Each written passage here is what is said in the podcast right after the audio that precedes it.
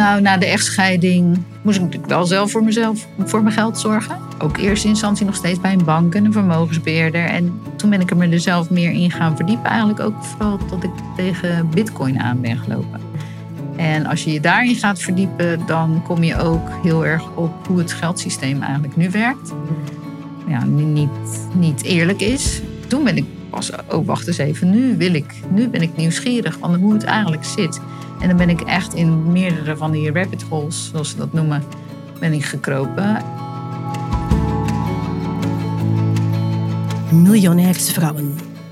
De taboe doorbrekende podcast waarin ik, Katrien van de Water, high-end business mentor, in gesprek ga met succesvolle onderneemsters over hun werk, hun leven en het pad naar 1 miljoen.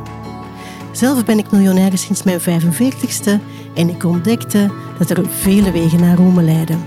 Ik neem je graag mee op reis. Het is mijn intentie om van overvloed het nieuwe normaal te maken.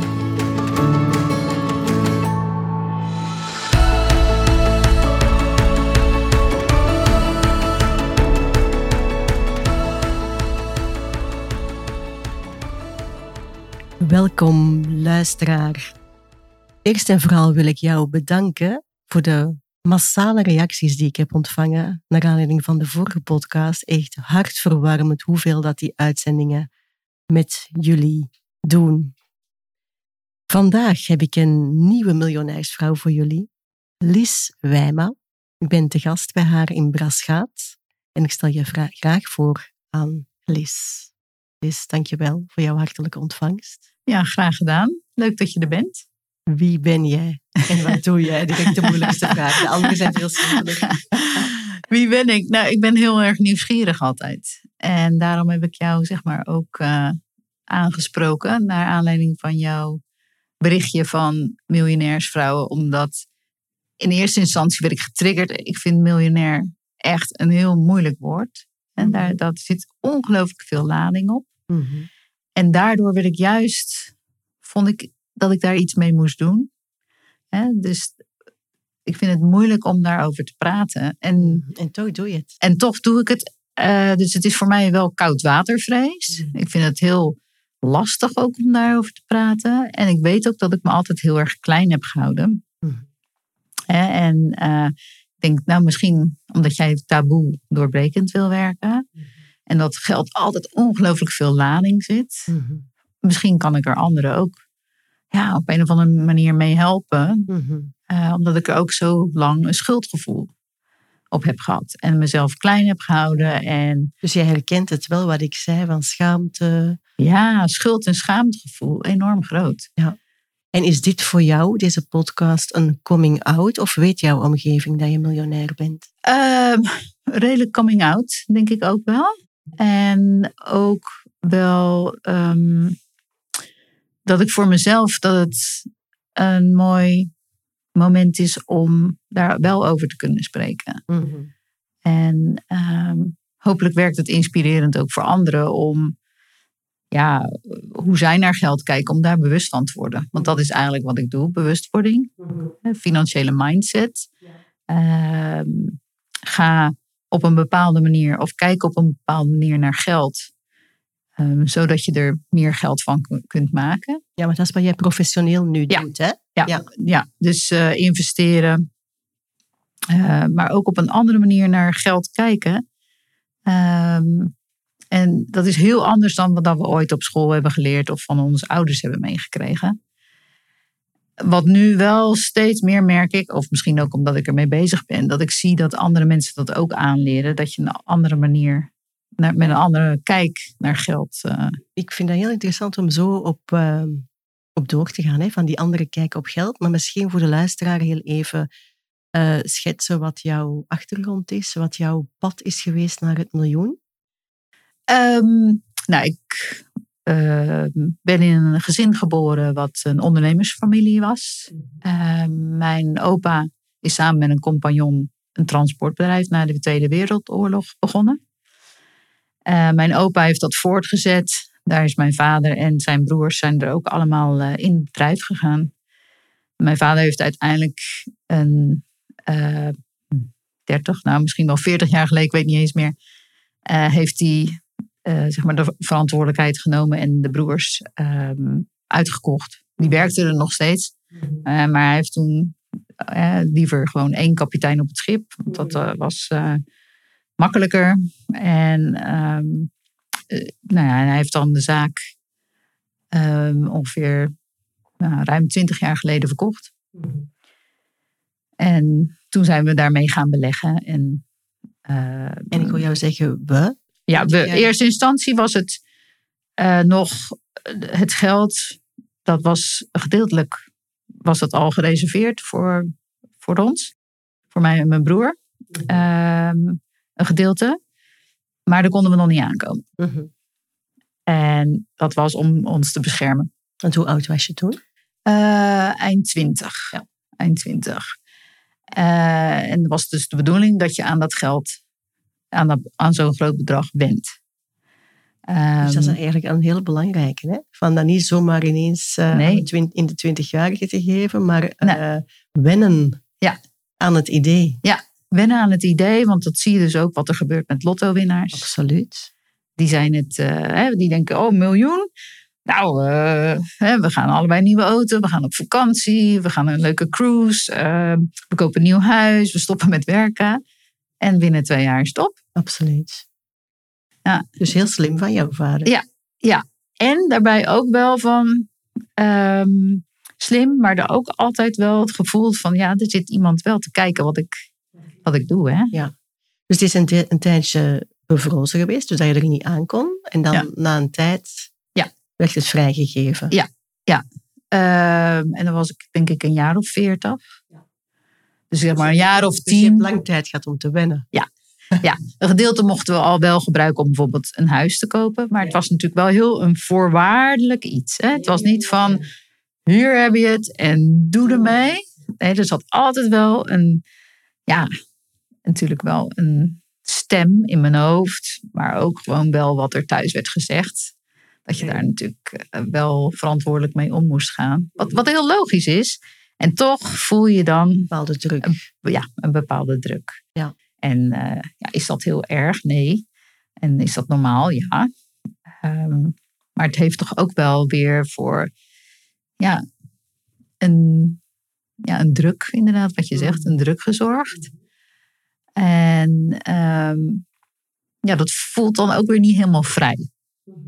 Kan ik me voorstellen. Hè, dus ja, je, ik heb mijn vader ook heel hard zien werken. En, en, en, ik weet de hele geschiedenis van dat bedrijf natuurlijk.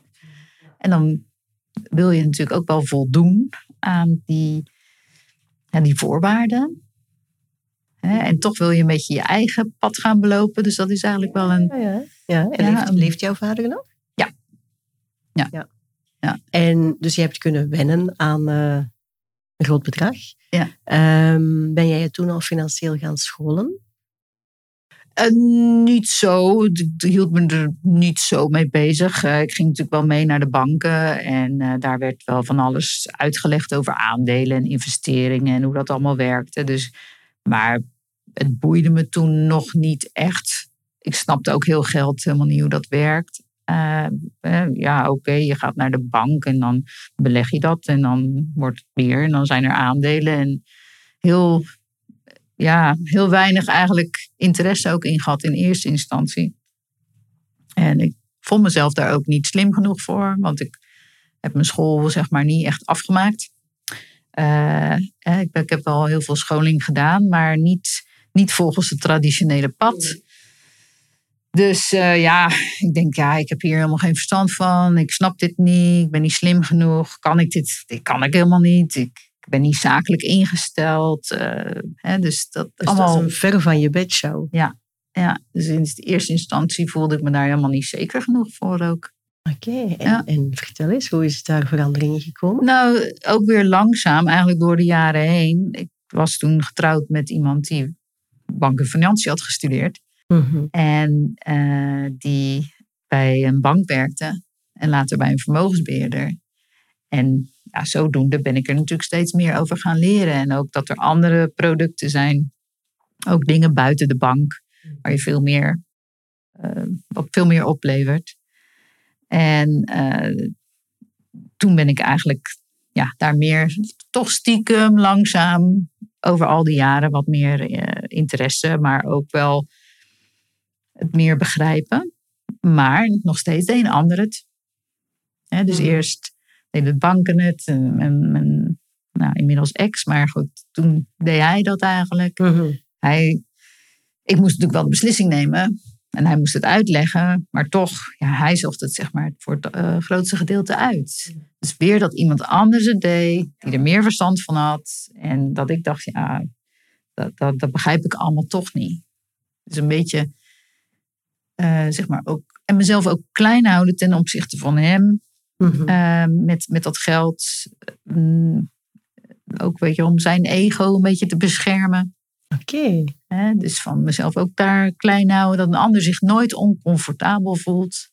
Dus enerzijds een druk van je vader, anderzijds een loyaliteit aan, Loyaliteit. Je, aan je toenmalige echtgenoot. Ook en ook andere mensen. Hè? Dus eh, niet te veel erover praten of niet te veel laten zien. Ehm, bescheiden opstellen, Mhm. klein houden, om een ander niet oncomfortabel te laten voelen. Dat was eigenlijk wel. Wow. Ja. Fully. Ja. Ja, die raakt mij. Want dat is eigenlijk toch iets, als we het dan toch hebben over dat collectief ehm, ja, taboe. Dan denk ik, ja, dat is, eigenlijk is dat toch best bizar, hè? Dat wij ons zo klein houden. Ja. Ja. Ik had daarover eh, onlangs een gesprek met eh, Ankie van Steen in haar podcast. En ze vroeg aan mij, Katrien, hoe komt dat volgens jou? En volgens mij is dat echt biologisch. Wij, dat wij loyaal zijn aan de tribe. Hè? Je, wil niet, je wil er niet buiten vallen. Dus wat doe je dan? Dan ga je maar je aanpassen en doen zoals iedereen. Terwijl het er een bepaald aspect in je leven niet doorsnee is. Hè? Ja. Het, eh, Ja, je wil, je wil bij de clan Erbij eh, horen, blijven, erbij horen. Hè? Je wil niet wat. eh, je bent bang wat andere mensen van jou vinden. absoluut. Oh, ja. Als ze me maar geen uitslover vinden. Of als ze me maar niet arrogant vinden. Voilà. Dat zijn allemaal angsten. Of die in je hoofd zitten. Waardoor je je op een bepaalde manier ook wel een beetje ja, gaat gedragen. Op een manier die, die jij niet bent. Dus je, bent niet meer, je kan niet meer jezelf zijn eigenlijk. Mm. Want je bent altijd maar bezig van. Hoe gedraag ik me dat ik er nog bij mag horen? Absoluut. En dat, ehm, Hmm. dat is wel. eh, En hoe is daar dan verandering in gekomen bij jou? Nou, na de echtscheiding eh, moest ik natuurlijk wel zelf voor mezelf, voor mijn geld zorgen. Hè, En eh, ook eerste instantie nog steeds bij een bank en een vermogensbeheerder. En toen ben ik er me er zelf meer in gaan verdiepen. Eigenlijk ook vooral tot ik tegen bitcoin aan ben gelopen. Mhm. En als je je daarin gaat verdiepen, dan kom je ook heel erg op hoe het geldsysteem eigenlijk nu werkt. Mhm. ja, niet, niet, eerlijk is. En ehm, toen ben ik pas, oh wacht eens even, nu wil ik, nu ben ik nieuwsgierig van hoe het eigenlijk zit.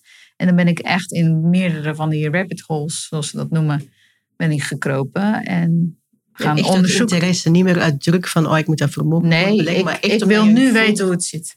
Dus echt een intrinsieke Ja. drive. Want het klopt niet. En kan je daar iets over vertellen of is dat te complex? Om, om... Ehm, nou, het is niet zoals we het geleerd hebben.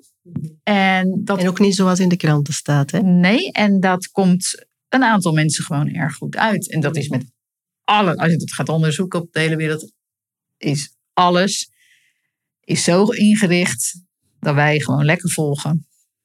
En, en dat, dat eh, de mensen die het systeem wel snappen, het geldsysteem wel snappen, daarvan profiteren Mhm. onder andere. En ehm, ja, dat heel veel mensen denken dat ze juist heel goed bezig zijn en eh, dat hun belastingen goed aankomen en dat de banken het beste voor, met ze voor hebben. En dan geloof ik ook wel dat de bankmedewerkers je echt willen helpen. Absoluut. Alleen eh, het hele geldsysteem is zo ingericht dat het ons niet helpt.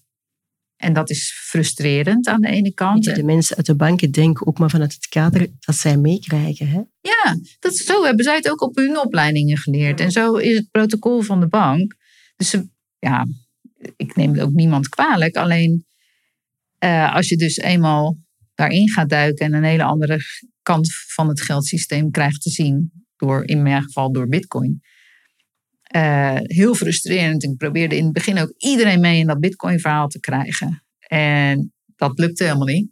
Want ja, dat is anders. Risicovol. En dat in de krant dat je dat vooral niet moet doen. Ja, ja.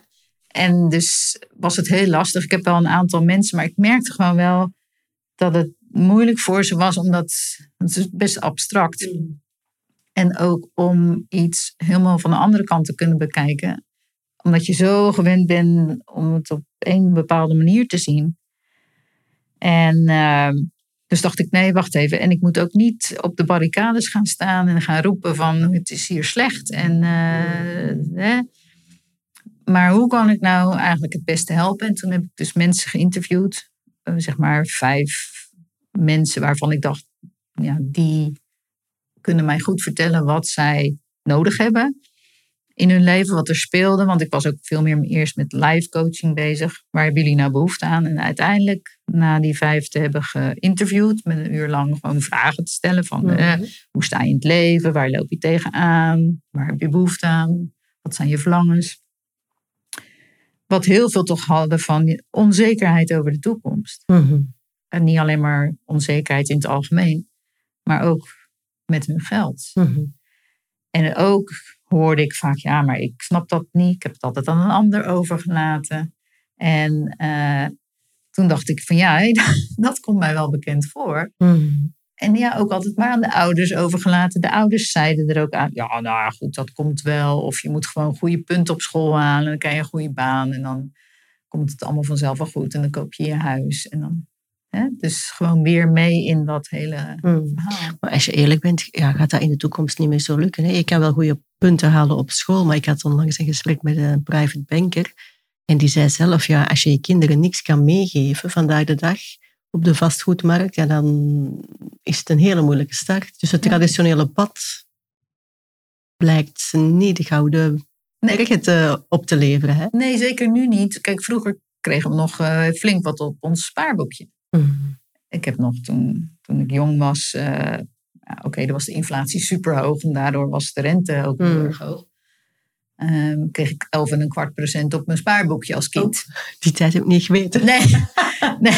Maar, die, die, Jeetje. maar die hebben nu, dus je krijgt niks op je bank. Op Kost je spaar. geld, hè? Ja, en, en de inflatie is hoog, dus je moet wat anders doen. Absoluut. En dat is interessant, Lies, want ik hoor jou zeggen, ik, was eigenlijk, eigenlijk, ik voel de verantwoordelijkheid om dat familievermogen dat dan van jou werd goed te beheren.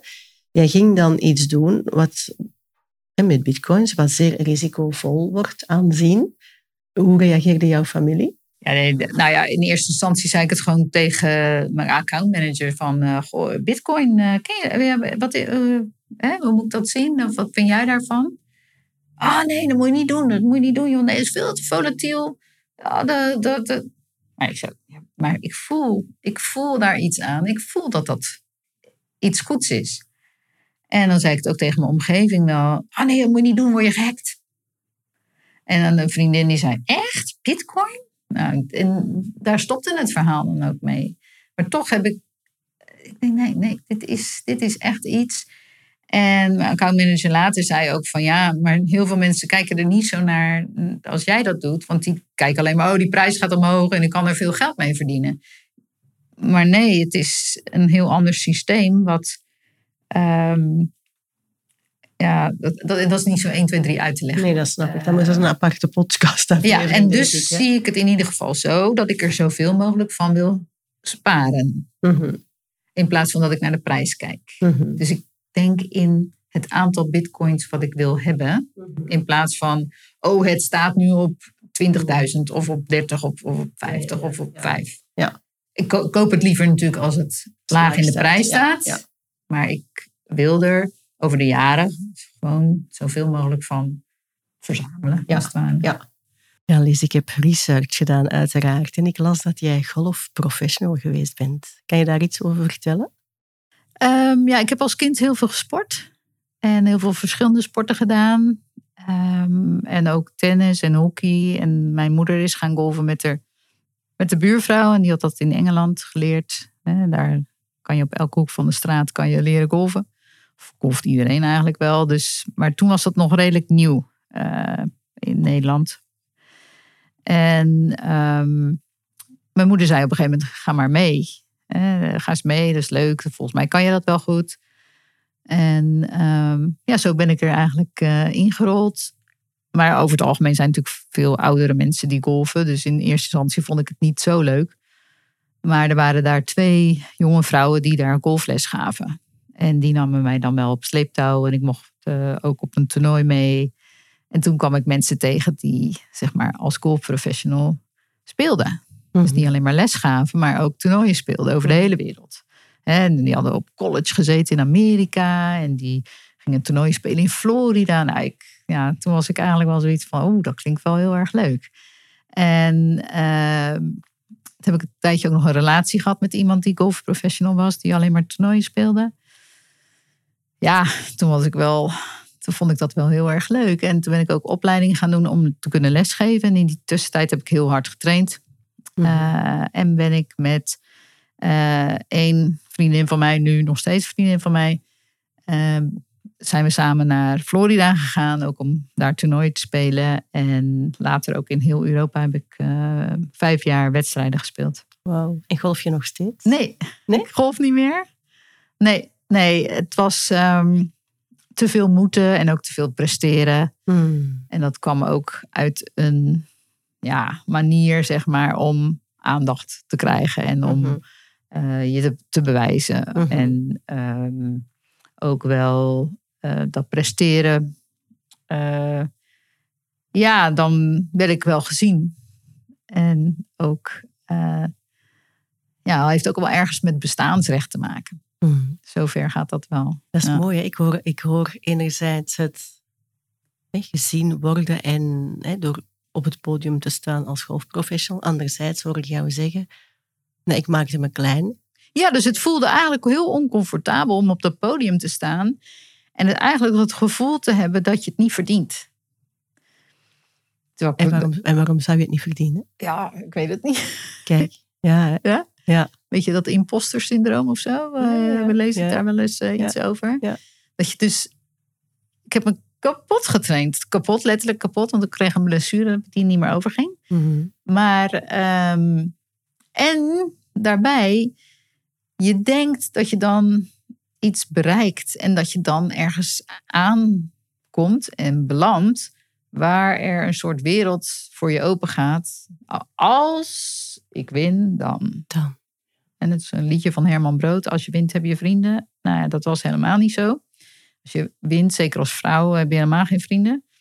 En het liefst zagen ze je de poten onder je stoel vandaan. Hè? Hmm. Dat is ook nog zoiets. Dus je, ja, je wint. Iedereen is blij voor je, zeker in de familie en zo. En, en, en de echte vrienden natuurlijk. Eh, maar het is leeg. Hè? Hmm. Het is, je hebt, de, de weg daar naartoe is leuker, eigenlijk achteraf. Eh, dan als je daar eenmaal staat op dat podium, dan en nu. Wat nu? Eh, moet ik zeker nog een keer winnen. Hè? Om weer datzelfde gevoel te krijgen. Maar eigenlijk betekent het helemaal niks. Zie je een parallel met de weg naar het miljoen? Ja, ja. Dus ook weer als mensen denken van, oh, als ik miljonair ben, dan, dan ben ik er, dan heb ik het, dan is het er, dan ben ik gelukkig. Nee, nee, dat is een leeg, mooi huis, maar een leeg huis. Hmm. Hè, en eh, dus, of rijk, wil ik, ook- ik wil, als ik rijk ben, dan ben ik van mijn zorgen af of zo. nee, we hebben natuurlijk nog gewoon dezelfde zorgen. Dus het, eh, het veel geld willen hebben om denken dat je dan iets anders hebt, dat is natuurlijk niet zo. Hmm. Dat vind ik een hele belangrijke om dat inderdaad eh, ja, toch ook als les mee te geven. Van, ehm, ik wil jou zeggen, je hebt dan nog dezelfde zorgen. Ik was in de auto hier naartoe aan het eh, reflecteren.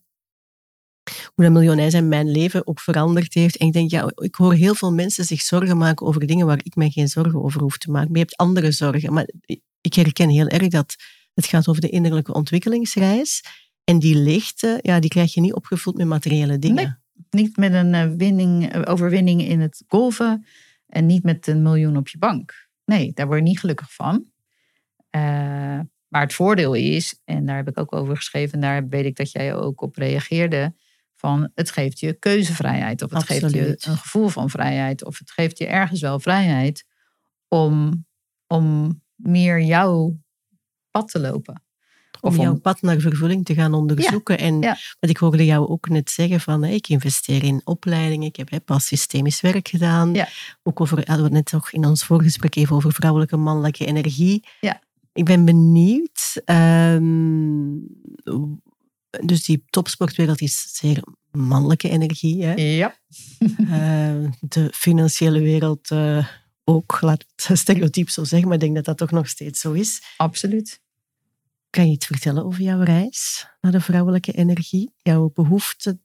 eh, Hoe is dat, hoe is dat gekomen en, en ja, wat heb je daarin ontdekt? Ehm, nou, ik had. Dat komt van de familie uit, of huis uit. Mijn gevoel als kind. Mijn gevoel, hè, dus mijn interpretatie. Dat wil nog niet zeggen dat het zo was. Maar ik had het gevoel dat ik me beter mannelijk kon gedragen. In mijn, niet in mijn, alleen in mijn gezin, maar in mijn familie. Van niet zeuren en opschieten en doordoen. En ehm, aanpakken en de mouwen opstropen en dat soort dingen. Hè? En doorgaan en niet, niet, eh, niet zeuren. Ehm, problemen los je zelf maar op. Hè? Dus je, dat was wel, oké, nou dan hou ik mijn mond maar. Ga ik maar niet zeuren en klagen. Dat, dat wordt hier niet van mij goed Hmm. verwacht. Of dat, dat is de, niet de Dus bedoeling hier. emoties mochten er niet zijn. Nee, als ik een beetje ging zeuren, dan eh, werd dat meteen. Ja, daar werd niet naar geluisterd. Hè. Hup, kom op, opschieten en doordoen en eh, klaar. En eh, ja, ook met mijn blessure toen ik golfde. Ja, alle topsporters hebben pijn. Hè. Dan, ja, dan moet je maar een beetje pijnstillers nemen. Hè. Dus, eh, en en dat, helemaal vanuit de juiste bedoelingen van mijn ouders ook. Of van andere mensen om me heen. Hoe mooi is het om een comeback te maken? Hè? dat werd mij ook wel. Hè? Dat, Hmm. hup, opnieuw, ja, ja je bent geopereerd. Hop, kom op. Eh, heb Heb je die die comeback gemaakt? geprobeerd, maar Je het lichaam, ging niet meer. je lichaam, Energie, lichaam, lichaam, nee, precies. nooit, hè? Het lichaam ligt. Jouw lichaam had een andere boodschap nooit. voor jou. Stoppen met die hap. En daarom ben, golf ik nu ook niet meer, want ik ben weer in die valkuil ge- getrapt van oké, dan ben ik niet meer golfprofessional, dan ben ik weer terug amateur, dan kan ik gezellig met een golfteam. En die verwachten allemaal weer van, ah, maar jij gaat spelen, dus jij gaat winnen. En eh, eh, ja, kom, jij moet wel meedoen. Ik denk, ja, maar dan moet ik voor jou mee gaan doen en daar heb ik geen zin meer in. Mhm. Ik wil het voor mezelf doen. En op een gegeven moment voelde ik ook, Mhm. ja, ik, als ik al een golven dacht, dan kon ik mijn armen bij wijze van spreken niet eens meer omhoog brengen. Hè? Dus een soort burn-out van het golven. Tuurlijk, ja. En presteren op zich, weet je wel, voor wie doe ik het nou? Van wie moet ik nou nog winnen? En waarom? Ten koste van een ander. Dus je bent je heel andere vragen gaan stellen. Ja. Dus echt bewust worden over het wa- de why. Be- bewust worden over, eh, echt constant bewust van, wat ben ik nu aan het doen? Wat zeg ik? Mhm. En wat denk ik? En wat voel ik? En wat voel ik? Daar, daar ben ik nu mee bezig.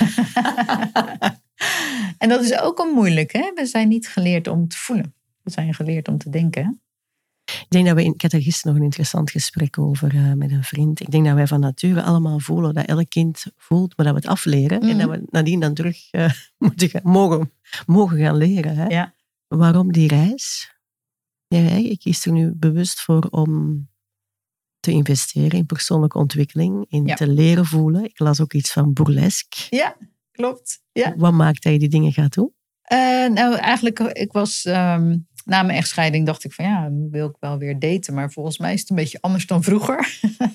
Hoeveel jaar ben je getrouwd geweest? Eh, we, zijn ongeveer kleine twintig jaar samen geweest. En daarvan 14, 15 jaar getrouwd geweest. Ja, en je hebt twee zonen. En twee zonen van bijna 20.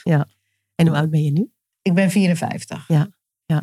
Dus inderdaad, als je dan na zo'n lange relatie in de datingwereld komt. Ja, ik wist van niks. Ik denk, eh, hoe ga ik... me- Wat dacht je, ik moet burlesque gaan leren? Nou ja, dus ik had, ik had een coach. Ja. Een eh life coach, maar ook dating eh deed hij. En die zei, ja, jij moet gewoon weer... ehm, of jij moet niks, maar ga, ga iets van een, een sierlijke dans. ehm, een beetje, maar ook een beetje, hoe noem je dat? Eh, sensueel. Mhm. je vrouwelijkheid. Hè? En toen ben ik te- terechtgekomen in Antwerpen. eh, bij Elise heet ze. En eh, daar werk ik nog steeds mee samen. En daar ben ik een cursus, zo'n groepscursus, burlesque dansen gaan volgen. Mhm. Ja, daar heb ik ontzettend veel van geleerd. Ja, dat ja, je, het is enorm uit je comfortzone natuurlijk. Ik heb het ook niet tegen mijn moeder gezegd. Moeder, het is tijd om te googlen. Ik heb het er gevonden. Dat soort dingen. Ja, ja, ik ga naar dansles. oh, mijn moeder, die had al wel volgens mij een vermoeden, want... eh, maar die Zag, ook- zag, ze, zag ze, meestal zie je het aan de energie, hè? Ja, kijk, mijn moeder zegt ook, ik weet niet waar je allemaal mee bezig bent. Ook met persoonlijke ontwikkelingscursussen en coaching en opleiding. En natuurlijk ben je nou nog steeds niet uitgeleerd. En ehm, eh, ja, ze zegt, ik weet niet wat je aan het doen bent. Maar ik zie iets. Ja, maar je bent veel gelukkiger, dus het zal wel goed zijn. Oh, geweldig. Ja. Voelde jij dat ook zo meteen? Ja, nou kijk, persoonlijke ontwikkeling, en eh, weet jij denk ik ook, is niet altijd even leuk. Nee, nee, nee. Eh, vaak ook helemaal niet leuk, want je ziet pas hoe je echt bent eigenlijk. Mhm. En dat is vaak anders dan je hoopt dat je bent. En eh, dat, ja, de waarheid komt naar boven. Mhm. En de waarheid is eh, hard. Of ja, je wil je graag toch mooier of beter zien dan je eigenlijk bent. Of je hebt ook gewoon vervelende dingen. Mhm. Ik het zo. Je bent mooi, je bent lelijk, je bent donker, je bent licht.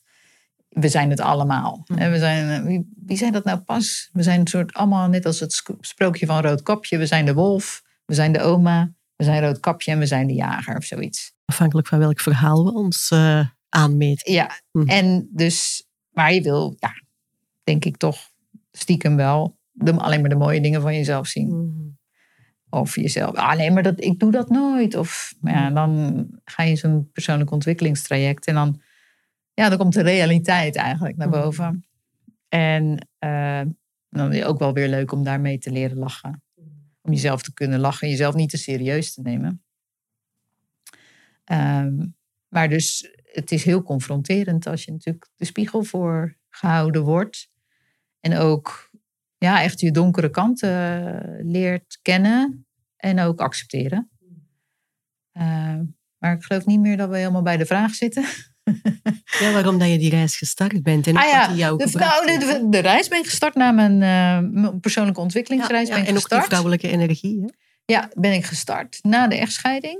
Dat ik echt wel, oké, wat in mijn huwelijk is gebeurd, hoe ik me ook opgesteld heb, hoe ik me gedragen heb, ehm, en wat ik allemaal geslikt heb, en waar komt het allemaal vandaan? En ik wil dit nooit, maar dan ook nooit meer meemaken. Dus ik heb ook dus die coach in de hand genomen, ook met relaties en dating en, en life coaching. En eh, die zei van, weet je, jij moet nog niet gaan daten. We gaan eerst eens even, Daten met jezelf. even jezelf weer terug, weer leren voelen. Jezelf ontdekken. Ehm, er zijn nog te veel dingen aan de hand bij jou. En, eh, dus het is niet verstandig om nu te gaan daten, want dan kom je weer precies dezelfde personen tegen. En dan ga je je precies weer hetzelfde gedragen. En dan ga je eh, weer nou, ja, niet jezelf kunnen zijn. En, eh, en die zei dus onder andere, ga iets, iets van een sensuele dans doen. En toen ben ik dus bij Elise terechtgekomen op de burlesque school. En ja, dat was heel leuk. En daarvoor, dus eigenlijk door die, het gevoel altijd als kind te hebben gehad dat ik me niet te veel vrouwelijk moest gedragen. Of ik had een idee bij vrouwelijk zijn dat je dan zeurt en klaagt. Want ik weet nog wel, niet bij mijn ouders, maar in de familie dat vrouwen werden wel een beetje als onhandig gezien, lastig. Want die, ja, die zijn ongesteld en dan kunnen ze niet werken, want dan hebben ze pijn. En eh, ja, die worden zwanger en die moeten voor de kinderen zorgen. Dus eigenlijk voor het werken heb je daar niks aan. Hè? Zo heb ik dat opgevat als kind. Dus oh, nou, je moet niet eh, te vrouwelijk zijn, want dan, dan, ja, dan heb je, hebben ze niks aan je. Mhm. Zo, zo is dat eigenlijk, of het allemaal waar is, dat, daar, daar gaat het niet over. Maar zo heb ik het in ieder geval geïnterpreteerd. En zo ben ik mij dus ook mannelijk gaan gedragen. Denk ik. Er zal misschien nog wel wat andere dingen achter zitten of spelen. En uh, dus ik vind het soms ook wel eens moeilijk als ik super vrouwelijke vrouwen zie. Dan ah, heb ik weer zo'n zo'n aansteller. Zo'n zo eentje die zit te zeuren over dingen. Dan, dan, oh, en, dan, en dat is interessant. Wat noem jij super vrouwelijke vrouwen? Ja, die. die um, ik heb een keer eentje op een podium gezien en ik voelde zoveel weerstand. Want die was zo vrouwelijk. Um, ja, het leven is licht en uh, liefde en alleen maar zo'n zo'n heel spiritueel. En ja, alles is uh, energie en um, uh, met de flow. En um, ik denk, ja, maar hallo, je hebt zeker geen kinderen, weet je wel? en dat was ook zo, want die was nog heel jong. Ik denk, ja, je bent zo'n zo'n poppenmieke op het uh, in het Vlaams te zetten, zeggen, of een huppeltrutje. Mm Zo van, je hebt nog niks meegemaakt in je leven. Zo, dat had ik meteen. Mhm. Het leven is niet alleen maar leuk en luchtig en liefde en schei uit. Hè? Dat, dat, dat was meteen mijn weerstand. Hoe kan je nou zo fladderend over dat podium lopen in je mooie jurk met je lange blonde haren? Eh, ja, jij eh, hebt tijd om... Uh, om daar aan te besteden. Want je hebt nog geen kinderen. Je weet nog niet, helemaal niet waar je het over hebt. En zo, hmm. zo ging ik heel duidelijk in die weerstand. Ik denk, dat mag, mag ik ook eens even onderzoeken. Ja, wat ik daar, weerstand zegt veel, hè? Wat ik daar eh, nog te onderzoeken heb voor mezelf. Dus, en welk verlangen kwam eruit? Nou ja, misschien natuurlijk om ook wel eens zo lekker te kunnen klagen. Een dagje klagen. Een dagje fladderen. Een dagje fladderen, maar ook eens een keer, hoe fijn zou het zijn om gewoon eens de hele dag te gaan zitten klagen. Dat alles mis is. Heerlijk lijkt me dan, want ik zit altijd alles goed te praten. Altijd maar weer het positieve zien en altijd maar weer doorgaan en altijd maar weer uh, het mooie ervan zien. Maar misschien is het wel eens lekker om gewoon een lekker dagje te klagen of inderdaad uh, een dagje te fladderen. Dus ik heb nu pas een hele mooie jurk gekocht. Geweldig. Heel flowy. Hij lijkt een beetje op die zij aan had, zeg maar, qua, qua vorm, qua structuur. En ik denk, ja, ga het maar eens ervaren. Geweldig. Zo, zo werkt het bij mij. Met alles, ook wat ik doe, met het investeren en met ehm, ook hoe ik van anderen leer. Liefst van mensen die het zelf hebben gedaan.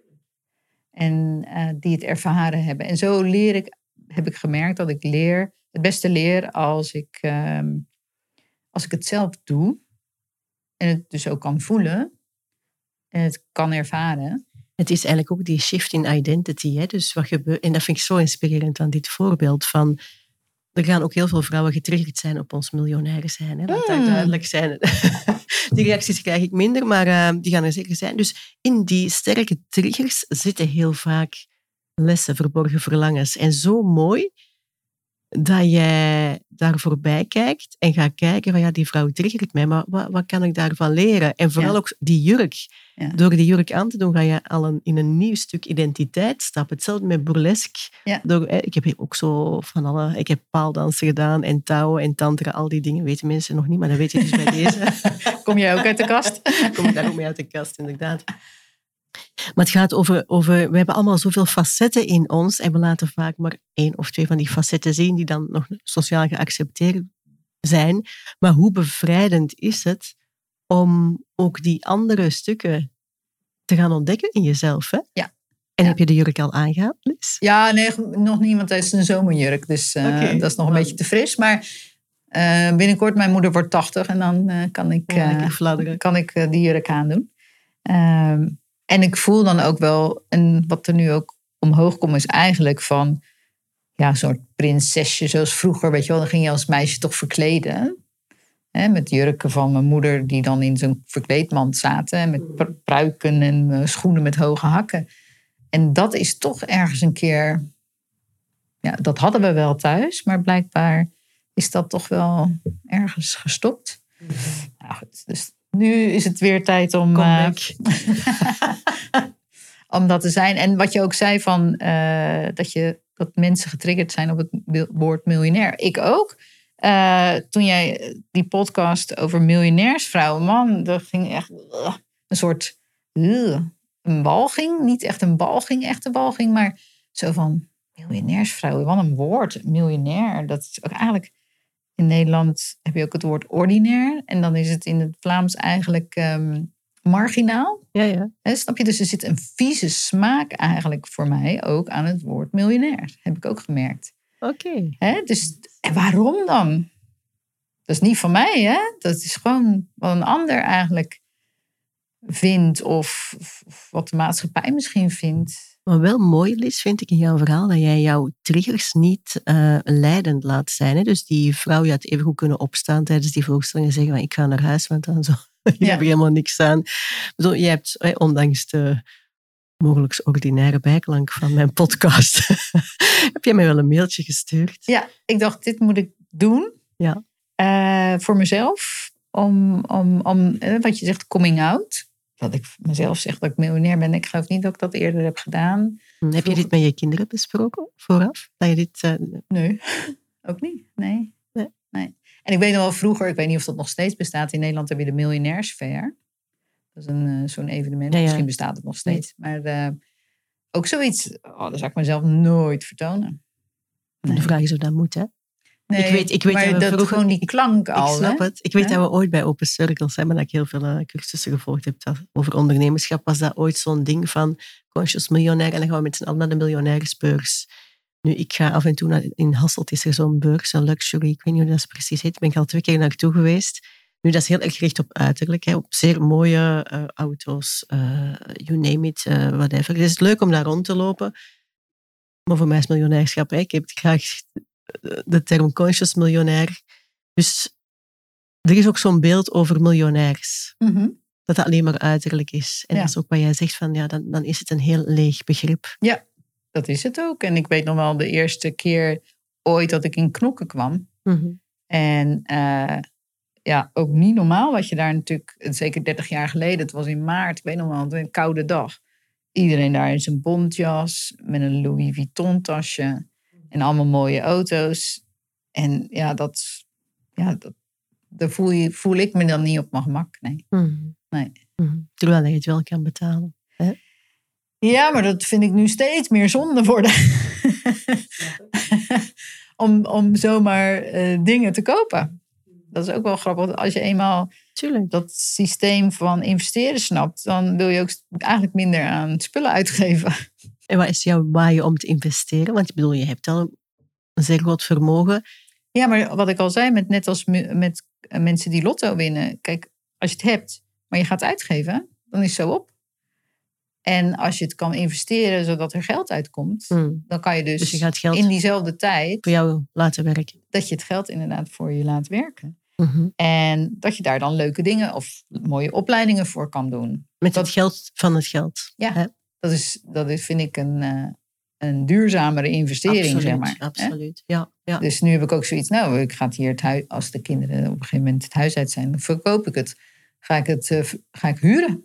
Hè? Dan ga ik gewoon het bedrag wat ik hier uithaal, eh, wat er nog overblijft na de hypotheek, ga ik liever investeren. Hmm. Dus je gaat heel anders met geld om. Hè? Ja, een hele andere kijk. Terwijl dat heel veel mensen in België, zeker in België, denken van ja, het eerste wat we doen is een huis kopen. En ik hoor jou zeggen, ga ik huren. ik denk nu zeker met deze huidige economie en hoe ik denk dat het door, zeker hè, corona heeft, maar het ging al voor de corona, ging de economie eigenlijk al niet goed. Eh, maar corona heeft eigenlijk als een soort steen in, een, in water, gewoon plons en dan allemaal van die ringetjes eromheen, zo'n rimpeleffect. Ja, we zijn al niet eens begonnen, denk ik. Mhm. Dus voor een aantal gedeeltes in de economie zie ik niet, voorlopig nog niet goed gaan. Mhm. En, Zijn eh, jouw kinderen met bitcoins bezig? Eh, nee, ze zijn er zelf niet mee bezig. Ik heb ze daar wel eh, verteld en, en, en wij- zijn er wel mee bezig. Of ik probeer het ze wel duidelijk te maken, maar ze hebben nog geen interesse eigenlijk. Ja. Hm. Ze vinden het natuurlijk wel leuk. En dat crypto in het begin, toen ging dat heel hard omhoog en toen waren ze helemaal mee. Eh, maar nu dat het helemaal naar beneden is, eh, de in, in prijs dan zeg maar, Hm. is gezakt. Nee, dat... Maar we, we, we zijn wel bezig. Ik ben wel bezig ook om ze uit te leggen. Nu al stap voor stap van. Dit, is, eh, dit is waar we, wij nu met z'n drieën ook in investeren. Mhm. Maar het zegt ze nog niks. Mhm. Ja, maar ze krijgen het toch mee, hè? Ik bedoel, misschien Precies. dat ze nog niks mee doen, maar het Nee. zaadje wordt wel Ja. geplant. Ja. Ja. Ja. Misschien nog even teruglezen naar wat je net zei, van ehm, nee, gescheiden, je ging daten. Ehm, ik heb de luisteraars ook gevraagd, vooraf voor dit met deze podcast begon, van hebben jullie vragen voor de miljonairsvrouwen? En één vraag was, ja, hoe is het om te daten als miljonairsvrouw? Ehm, nou, ik heb eh, in het begin wel een, ehm, iemand en die kwam hier dus thuis en die zag, oh, oké. Ja, daar kan ik natu- niet aan tippen. En die had daar ook in eerste instantie weerstand op. Maar die zei later, ja, wat ik tegen mezelf heb gezegd, was, ja, ze kan daar niks aan doen. dat was zijn manier om, om, om ermee om te gaan. En ehm, voor de rest zeg ik er nooit wat over. Nee.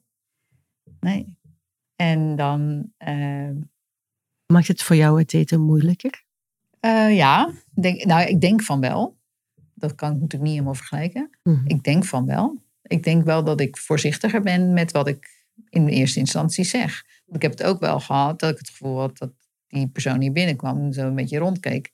Zo, oké, dat, dat zit hier goed. En daar heb ik natuurlijk extra voelsprieten voor. En dat wil ik liever niet, natuurlijk. Hè? Dus daarom ehm, spreek ik ook liever gewoon en niet te veel hier thuis, zeg maar, in het begin af. Dan. Maar je staat gewoon ook, ik zeg altijd, succesvolle mensen denken anders. Dus het gaat nog niet eens over het bezit, maar ook wel de lifestyle, de mindset die Ja. heel anders is. Dus ik ehm, kijk ook wel of iemand eh, ondernemer is.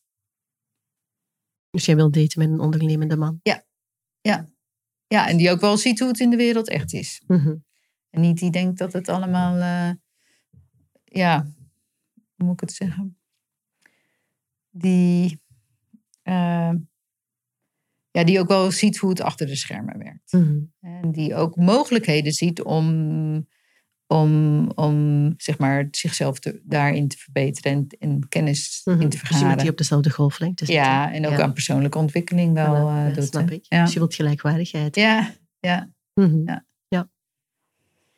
Ik weet niet hoe het bij jou is, Liz, maar ik kom heel veel ondernemende vrouwen, of, en ook mannen tegen, maar meer vrouwen dan mannen, die ondernemer zijn en niks geregeld hebben voor hun pensioen. Ja. Kom jij ze ook tegen? Ja, dus bijna iedereen die ik spreek, ook al werken ze ergens in loondienst, ehm, voelen ze wel dat het ook dat niet genoeg gaat zijn. Dus iedereen eh, denkt op korte termijn. En dat is, vind ik sowieso met investeren, is op lange termijn. Ehm, en schuiven het voor zich uit.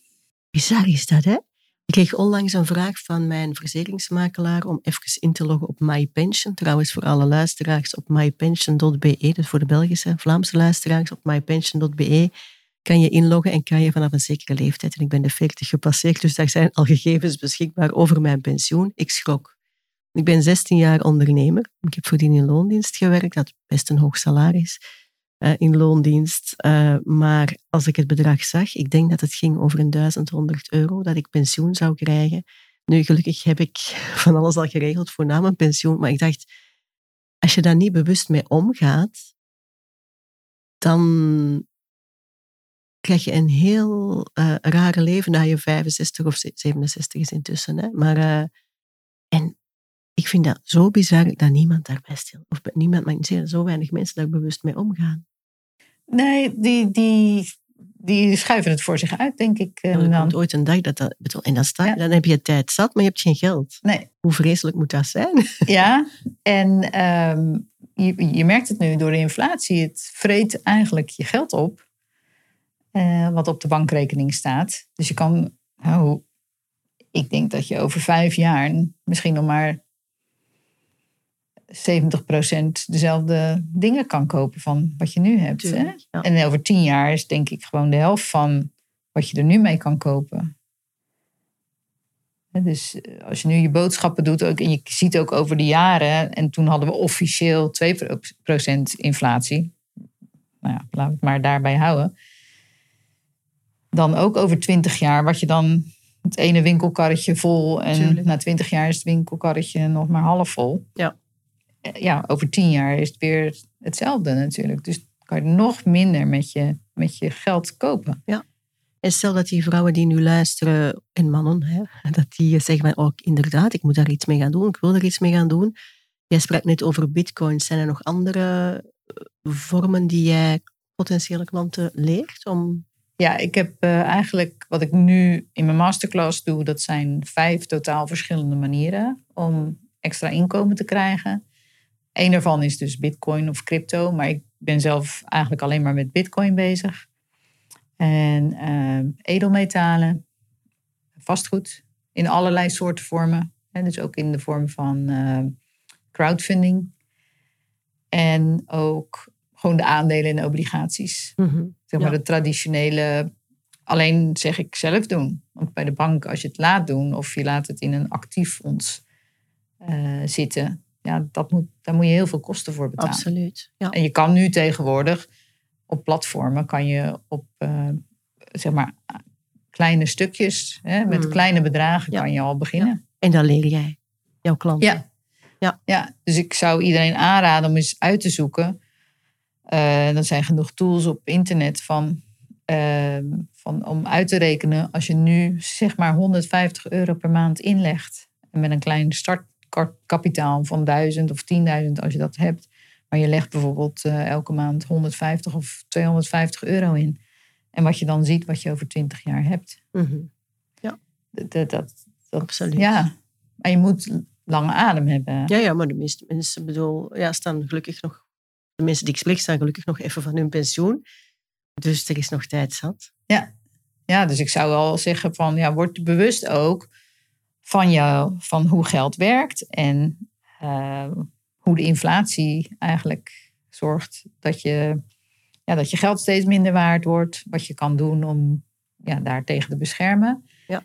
En dat je ook snapt hoe het geld werkt in die zin dat je als je het uitgeeft aan dingen die geen geld opleveren, Mm, ja, dan kost het alleen maar. absoluut. En Ja. het mooie is als je ergens in kan investeren wat, wat geld oplevert. En dus je kan je eigen huis waar je in woont, dat is wel een soort van bezit, maar eigenlijk is het een kostenpost. Absoluut. Daarom dat ik, dat ik ook zeg van ik woon niet in een eh, mega grote villa, want dat is alleen maar een heel grote kost. Ja.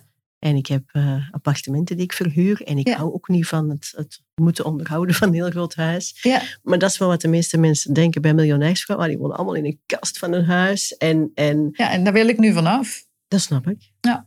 ja je woont in een heel mooi huis. Luisteraar. ja, ja. ja, ik. omdat ik nu goed zie van eigenlijk hoe het werkt. Ja, ja, ja. Dat het verstandiger is om, eh, om niet je geld uit te geven aan dingen die geen geld opleveren. Absoluut. Ja. En als je die knop kan omzetten, dat je alleen maar gaat denken van hoe kan ik investeren of wat kan ik kopen wat geld oplevert. absoluut. Dus je kan natuurlijk wel eh, twee huizen, drie huizen, drie boten, zes eh, auto's.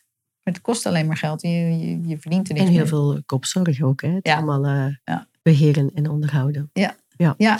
Een van de aspecten van een conscious miljonair is eh, contributie. Dus de wereld mooier maken door goede doelen te sponsoren.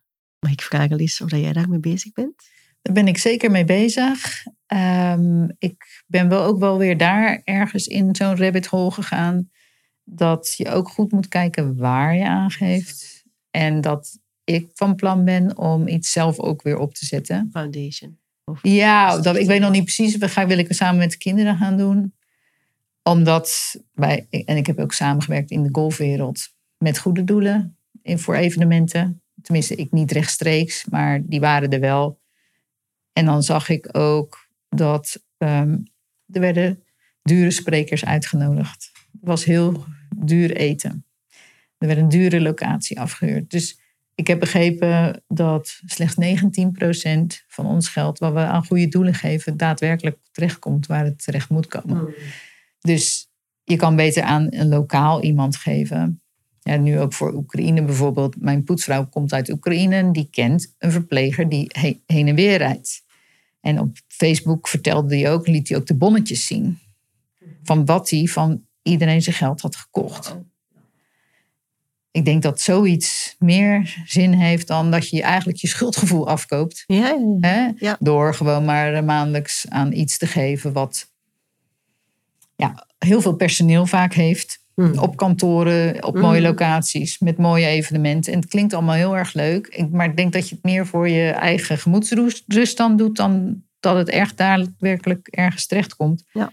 Dus, da- daar, dus ik geef niet meer zomaar. In het begin wel dan, oh ja, goede doel hier, Rode Kruis, eh, UNICEF, eh, Oxfam. Ja.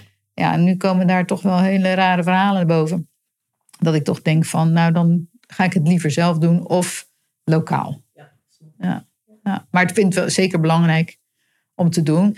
Daarbij eh, weet ik ook dat heel veel bedrijven natuurlijk het doen voor uiterlijke schijn. Hmm. En ehm, omdat het soort van moet. Mhm.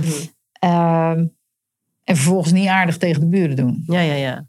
Eh, dat, is ook goede doelen. Hè? Dus eh, je tijd en aandacht aan de buren of aan je omgeving of aan je familie geven. Hmm. Eh, in plaats van alleen maar van ik geef aan goede doelen. Conscious, hè? Conscious miljonair zijn. Van hoe ga je om met anderen, hè?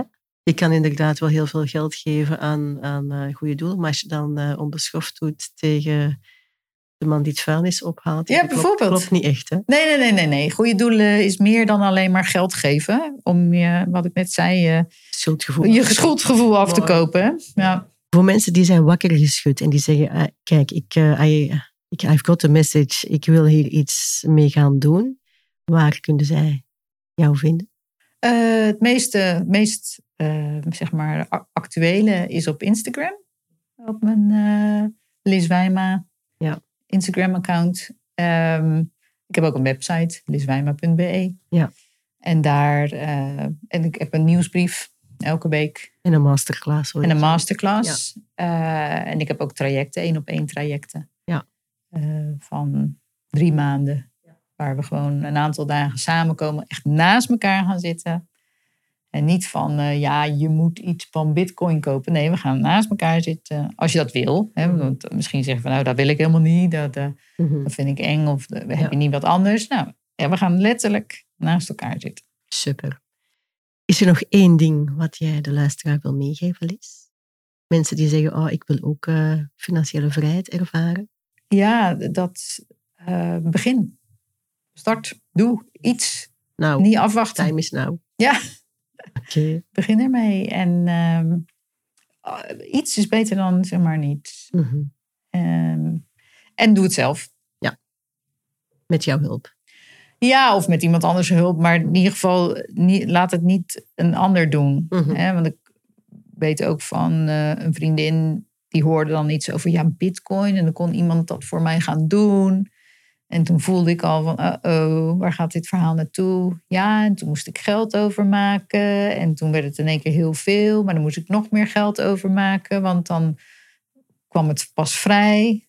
Ja, het was gewoon één grote scam. Mhm. Dus je, je kan het gewoon beter zelf. En het is niet echt heel moeilijk, maar je moet er wel de tijd voor nemen natuurlijk. Maar eenmaal opgezet, Mhm. dan hoef je er helemaal niet meer zoveel tijd aan te besteden. Oké, ik denk dat we nog uren kunnen doorpraten. ik wil jou heel erg bedanken voor jouw coming out als miljonairsvrouw, voor het vertrouwen. Ik wens jou verder nog een hele mooie reis. ja, dankjewel voor eh, iedereen uit het taboe van geld te halen. Laat dit verhaal een inspiratie zijn voor jou om na te denken over hoe jij wil werken en leven. Mogelijk herken je jezelf voor een deel in dit verhaal. Alles begint met een verlangen en het zetten van een concrete stap. Er is zoveel mogelijk. Ook voor jou. Vond je dit gesprek interessant?